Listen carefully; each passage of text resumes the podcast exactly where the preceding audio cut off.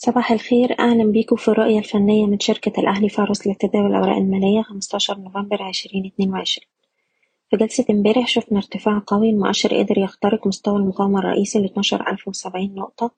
وصل لأعلى مستوى ليه من مارس ألفين وعشرين عند الاتناشر ألف مية وأربعين نقطة.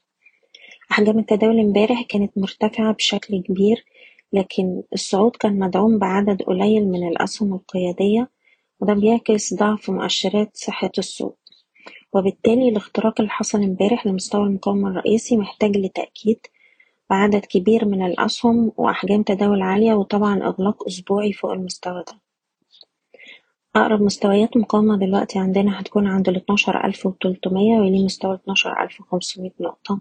وفي حالة حدوث هي عمليات تصحيح أقرب مستوى دعم هيكون عندنا عند سبعمية وخمسين.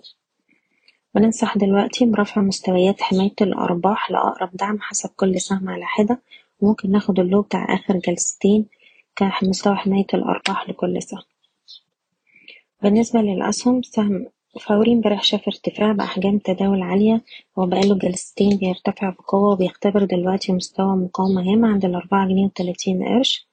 تأكيد اختراق المستوى ده يفتح لنا الطريق للأربعة ونص والأربعة جنيه وسبعين قرش. سهم e-finance قدر امبارح يخترق مستوى مقاومته ستاشر وربع وبالتالي بيستهدف دلوقتي سبعتاشر وسبعتاشر ونص ونقدر نرفع حماية الأرباح لمستوى الستاشر جنيه. MM Group عنده مستوى مقاومة عند التلاتة جنيه وتسعين قرش وده trigger مهم جدا. لو قدرنا نأكد اختراق المستوى ده ب volume عالي بنستهدف أربعة ونص وخمسة جنيه. ومستوى إيقاف الخسائر بتاعنا تحت تلاتة جنيه وأربعين قرش. المنتجعات السياحية عندها منطقة مقاومة رئيسية ما بين جنيه تلاتة وسبعين لحد الجنيه تمانين دي منطقة مهمة جدا منطقة جني أرباح. حتى تأكيد اختراقها وأقرب دعم عند جنيه خمسة وستين ومستوى إيقاف الخسائر عند الجنيه سبعة وخمسين.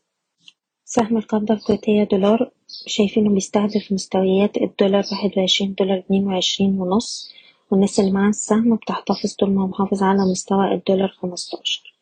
أخيرا سهم رمادة عندنا دعم هام عند اتنين جنيه خمسة وخمسين. ونحتفظ طول ما إحنا فوق المستوى ده وشايفين السهم بيستهدف اتنين جنيه خمسة وتسعين. بشكركم بتمنى لكم التوفيق. إيضاح الشركة غير مسؤولة عن أي قرارات استثمارية يتم اتخاذها بناء على هذا التسجيل. شكرا.